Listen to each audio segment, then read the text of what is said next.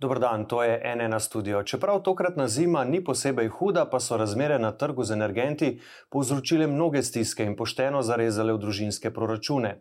Vlada je s pomočjo odlašala do tega konca tedna, ko je sporočila, da bo več kot 700 tisoč ljudi dobilo enkratno pomoč v višini 150 evrov, za tri mesece pa bodo nižje položnice za elektriko, med drugim.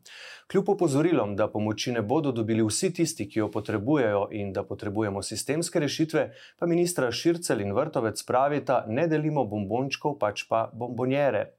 Ministr za infrastrukturo, Jrne Vrtovec, dobrodan, dobrodošli na NN. Dobrodan. Eh, pa če lahko morda za začetek spomnite, kdo vse bo torej dobil pomoč v tem energetskem paketu, če mu tako rečemo. Pomoč bo dobilo kar 710 tisoč eh, ljudi. V prvi vrsti največja skupina so upokojenci, ki imajo nižjo pokojnino od 1000 evrov. Eh, druga skupina so socialno ogroženi ljudje, teh je približno 67 tisoč. Tretja skupina so zagotovo velike družine, nad tremi otroci, nad štirimi otroci, in uh, tudi oni so zelo bili prizadeti skozi to, to krizo. Uh, naslednja skupina so rejniki, pa seveda tudi, tudi invalidi. Torej, v tem sistemu z enkratnim bonom v višini 150 evrov, enkratnim dodatkom, če lahko temu tako rečemo, se bo zlasti pomagalo najranljivejšim skupinam ljudi. Nismo pa pozabili na sistema. Ne? In sicer zaradi tega imamo tukaj ukrep nižanja omrežnine, prispevku za obnovljive vire energije na sami položnici za električno energijo. In povprečna položnica za elektriko za povprečno gospodinstvo se bo znižala kar za približno 35 odstotkov. Torej, celotna omrežnina, ki jo imajo ljudje na položnici, prispevek za obnovljive vire energije, pa tudi trošarina, prispeva k tem 35 odstotkom. Jaz doma imam položnico v višini 60 evrov in uh, izračun kaže, da bom uh, tam okrog 25 do 30 evrov, bom pač privrčeval na ta račun. Torej, veliko se pomaga, pomaga uh, sistemsko, tudi ljudem, torej slehenemu gospodinstvu. Znižujete pa tudi trošarino uh, na pogonska goriva, ne z jutrišnjim dnem, pravzaprav s 1. februarjem. Bi lahko že zdaj rekli, za koliko se bo znižala cena litra najbolje prodajenega benzina in pa dizelskega goriva? Seveda to varira, ker imamo še vedno uh, tako urejen sistem ampak zelo jasno vlada uh, naredila to namero, da zniža tudi trošarine na pogonsko gorivo z namenom, da se pač uh, vsem prebivalcem Slovenije pač na tem delu pomaga, zlasti pa na delu kurilnega olja, ne, ki ga ljudje, mnogi še danes se ogrevajo na kurilno olje, seveda. In tem ljudem se na ta način najbolj pomaga. Ne morete pa še reči, očitno, eh, oziroma bomo videli, ne, ne, besedo ima pri tem tudi trg. Drži, da so skupne finančne posledice ocenjene na 200 milijonov evrov vsega tega?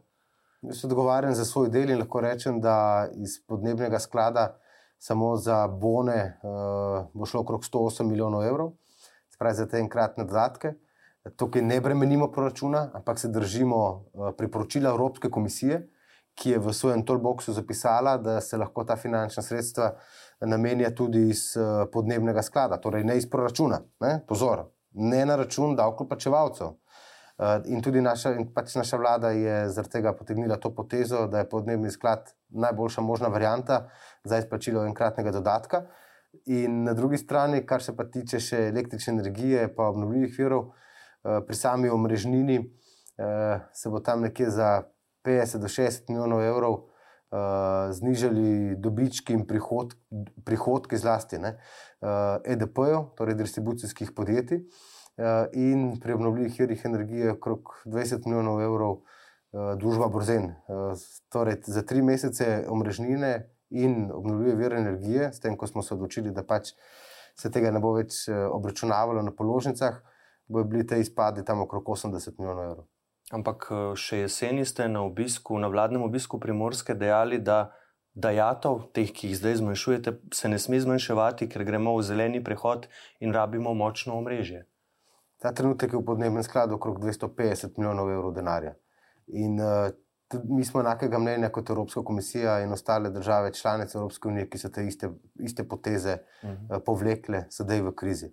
Torej, gre za sistem, da se pomaga najranljivejšim, da se pomaga ljudem v tej krizi. In pomagali smo že decembra in pomagamo tudi danes. Tako finančni minister Šircel v intervjuju za NN iz tega konca tedna, kot vi ste v bistvu uporabili izraz bombonjere, ne, to, kar sem že na začetku omenil. Državni sekretar Mahnič je tvitnil, da je to domislica poslanca SDS Jožeta Tanka z koalicijskega vrha 14. januarja. Torej, očitno je tej koaliciji ta izraz tako všeč, da ga boste uporabljali do volitev. Gre za všečnost, ne? gre za to, da smo naredili to, kar je potrebno, in ljudem v tej krizi ne pomagamo uh, z drobtinicami, ki bi bile zgolj in samo všečne predvoljne poteze, ampak znatno pomagamo, kajti se zavedamo razsežnosti, ki jih je ta kriza prinesla. Uh, in uh, ta izraz to prav to simbolizira, kako se vlada zaveda problema, v katerem smo se ta trenutek znašli. In ne po lastni krivdi, ampak zaradi mednarodnih in drugih, uh, drugih dogodkov, na ceni, uh, pri ceni energentov. Ampak te stvari smo videli, so se dogajale že lansko jesen, smo dobro vedeli, kaj se dogaja. In seveda je na mestu vprašanje, zakaj šele zdaj ta pomoč. Ne? Že decembra je bilo slišati, da bodo te rešitve del 10. PKP-ja, pa potem niso bile. Eh, če je vlada pri proti-covidnih ukrepih včasih, po mnenju nekaterih, ukrepala prehitro, ne, pa se je pri tem energetskem paketu ni prav mudilo, ni bilo videti, ne, čeprav imajo ljudje težave že tri mesece, eh, niže položnice bomo tako plačali šele marca. Enkratna pomoč, o kateri so govorili, pa bo izplačena šele sredi aprila. No, vlada je že dvakrat reagirala. Prvič decembra uh, v PKP 10, uh, z njim so dobili slovenski upokojenci, tisti z najnižjimi pokojninami, so dobili solidarnostni dodatek na svoje račune, so ga že dobili izplačenega. Torej, mi smo decembra reagirali na to krizo. Naj pa povem, da so se uskladile tudi plače z rastjo cen življenjskih potrebščin, uh, zlasti govorimo tukaj o minimalni plači. Torej, vlada postopoma reagira, ta trenutek pa je napočil čas. Da se pač sistemsko, sistemsko potegne črto, da smo točno jasno videli, Eh, kakšna situacija in da se čim širši množici ljudi pomaga. Ne na zadnje, tudi gospodarstvo. Tudi opozicija je kritična, da je vse skupaj prepozno, da takrat, ko bomo to dobili, da bo že konec korilne sezone, hkrati pa bomo tik pred volitvami. Kako odgovarjate na to? Meni ni treba odgovarjati na te stvari, kajti vem, da uh, smo reagirali tako, kot je prav, uh mhm. -huh. in da nismo uh, zadostili, uh, naprimer, če bi to izplačali novembra, zgolj samo špekulantskemu trgu. Uh, ampak uh, smo dali denar tistim, ki ga ta trenutek najbolj potrebujemo, pokojnici. Ga pa zagotovo potrebujejo, pa seveda tudi ranljive skupine ljudi. In dobivamo tudi vprašanje, zakaj upokojenci s pokojnino do 1000 evrov da, zaposleni s plačo do 1000 evrov pa ne. Zakaj ne? Sej njihova položnica ni nič nižja. Ne? Videli smo proteste na jesenicah, tam so bili ljudje vseh starosti zelo glasni. Tudi Zveza potrošnikov opozarja, da bi morali biti do finančnih sredstev upravičeni vsi tisti, ki zaradi tega povišanja cen eh, energije, ogrevanja ne zmorejo plačati teh stroškov, zakaj torej ne vsi, ki to pomoč potrebujejo? Sistemsko smo uredili, da grejo položnice dol za 35 odstotkov za vsa gospodinstva. Drži? Drži. Vsa gospodinstva in vsi tudi gospodarski subjekti bodo bili upravičeni plačila omrežnine. V nekaterih primerjih za gospodarstvo to pomeni več tisoč evrov za velika podjetja. Uh, na drugi strani se je potrebno zavedati, da so res upokojenci tisti, ki nimajo zmožnosti dodatnega, zlasti starejši ljudje, ne, starejši upokojenci, dodatnih katerikoli zaslužkov in uh, so najranljivejše skupine ljudi. Kar se pa tiče uh, še delovno aktivnih, mi smo uredili v tem zakonu največjo problematiko in sicer v petem členu zakona smo uredili zanačevanje gospodinskih odjemov. Vi veste, da številni protesti so se dogajali po Sloveniji, ne po krivdi vlade, ne po krivdi vlade, ne po krivdi ministrstva, ampak zaradi upravne korte zakupa samega plina. In sedaj smo sistemsko uredili sam zajem plina tudi za in uredili s tem razmerja med gospodinskim in gospodarskim odjemom toplote. Torej. Niste, pa razmišljali, niste pa razmišljali, da bi bila morda bolj smiselna pomoč za stanovansko enoto, ne pa za posameznika, torej za enega upravičenca, ampak pač za celo uh, stanovanje. Ete, težko se uredi za celotno, za celotno stanovanje, kajti primeri od mest do mest so različni. Uh mhm. -huh. Ponekod, na nekaterih mestih so pravočasno zakupili uh, plin in danes teh problemov nimajo. Poznamo samo nekaj, nekaj takih primerov. Ne poznamo da bi v vsakem mestu se zgodilo enako kot Nesenice, te novo pomote, mm. ali pa kot se je zgodilo v Domžalah, v Mariboru. In tukaj je bilo v preteklosti narejeno, so bile narejene številne napake, mi pa zdaj dajemo tukaj končno pravno podlago. Torej, če ponovim, najbolj ranljivi so zagotovo upokojenci, tudi tisti, ki imajo 900 evrov pokojnine. In ker nimajo priložnosti na trgu. če dodatno. dobita eh, torej, dva upokojenca, ki živita skupaj in imata vsak po manj kot tisočaka pokojnine, dobita torej vsak po en voucher. Tako je. Mhm. Kaj pa samska oseba z minimalno plačo je upravičena do voucherja? Če spada v katero izmed teh skupin, ki sem jih prej naštel, potem je do tega voucherja upravičen. Mhm. Če pa ne, pa ne. Je- Se vam zdi to, To je- prav? To je povsem logično po tem zakonu. Naj povem, da kar 710 tisoč ljudi je tistih, ki so prejemniki te vrstne pomoči. Mhm. Pojavljajo se tudi opozorila, da če bodo energetski voucheri prejemnikom izdani le enkrat v kurilni sezoni, se razmere za gospodinske odjemalce ne bodo bistveno izboljšale, ne, če je položnica 200, 250 ali še več evrov, kaj pomaga potem 150.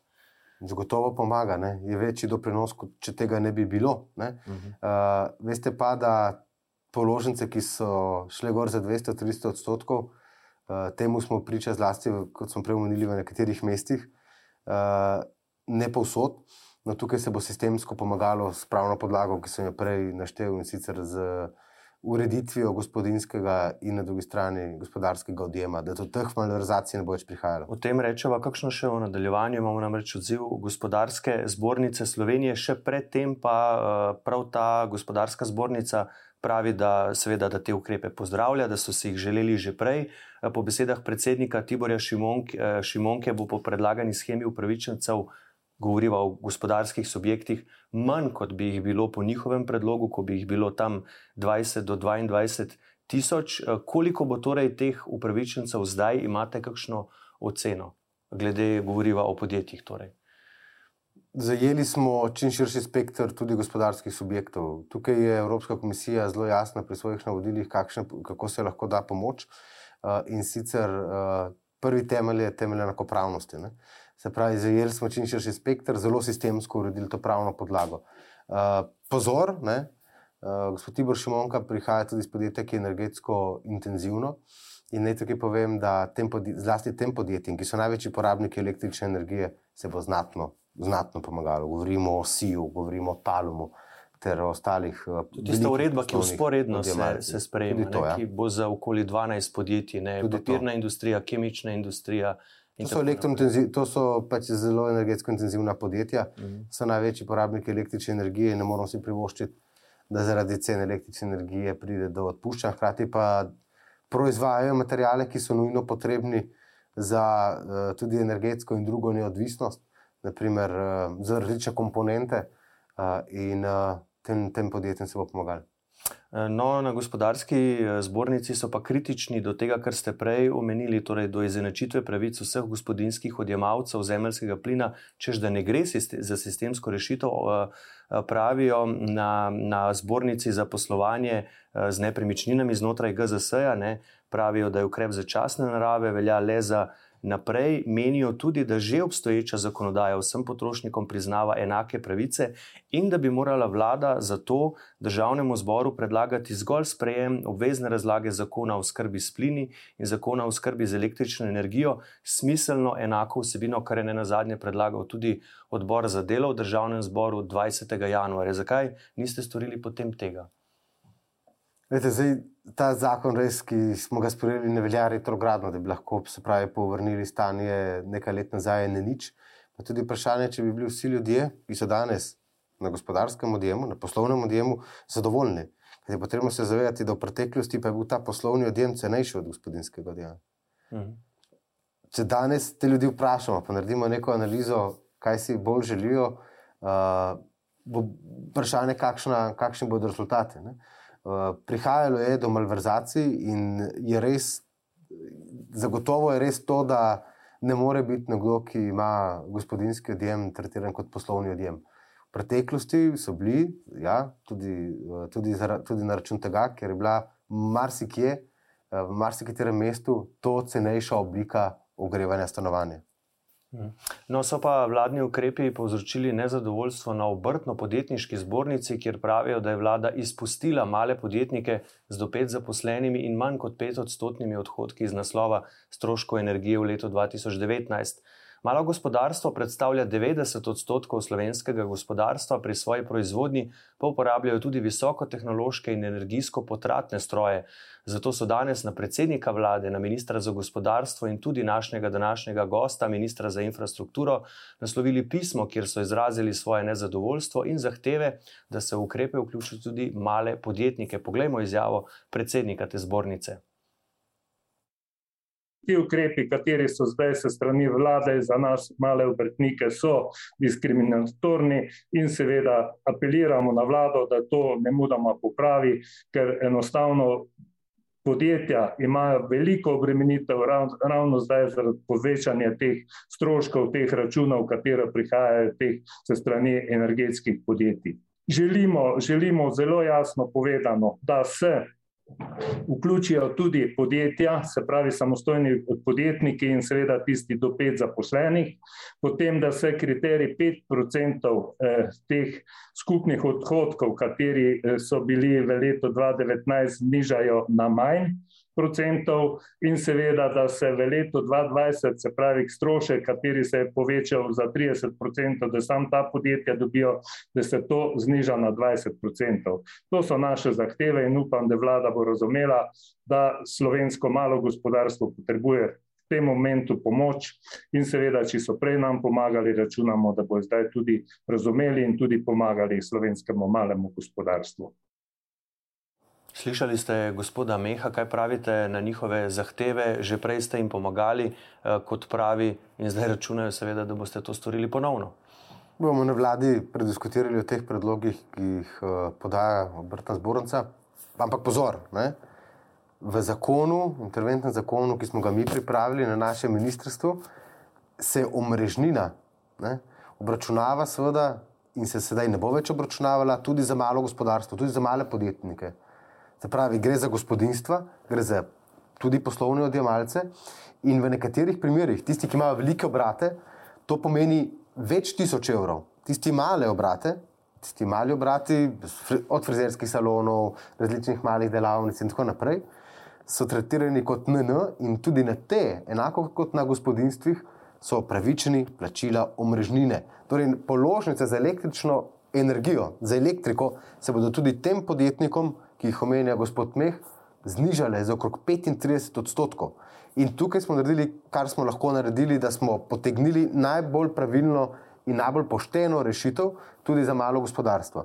Kar se pa tiče ostalih predlogov, ki jih je dal gospod Meh, verjemite, da je vlada odgovorna in da bomo skupaj z ostalimi kolegi ministri to prediskutirali in videli, kakšne so možnosti. Torej, predvsem predvidevam, da z ministrom za gospodarstvo, gospodom Počevalškom, boste obrtnike povabili na sestanek, je možno sploh, da še karkoli popravite ali je to zadnja različica tega, tega interventnega zakona. Eti, zakon ni bil sprejet na vladi, veste pa, kakšna je potem sama procedura sprejemanja, sprejemanja zakona. Torej, ja, da se še popravki, kakšen, popravki so še možni. Kakšen amandma v državnem zboru bi se znal zgoditi? Ne? Drži, ampak tukaj ne gre za zakon, ki bi bil v moji domeni, ampak gre za drugi področni zakon. Uh -huh. uh, torej, uh, bomo o tem, kot sem že dejal, prediskutirali in še vedno, kar se moje matične stranke Nove Slovenije tiče in, in tega ministrstva, želimo biti tudi glas gospodarstva, malega gospodarstva v politiki. Dobro bomo videli, kako bodo zadovoljni z vašimi rešitvami. Gospod minister, najlepša hvala, da ste bili gost v našem studiu. Hvala pa tudi vam za vašo pozornost. Spremljajte nas še naprej na nnainfo.si, kjer najdete vse podrobnosti o energetskih bonih, o nižjih položnicah za elektriko in vsem, kar sodi zraven. Iz studija pa le še lepo zdrav in nasvidenje.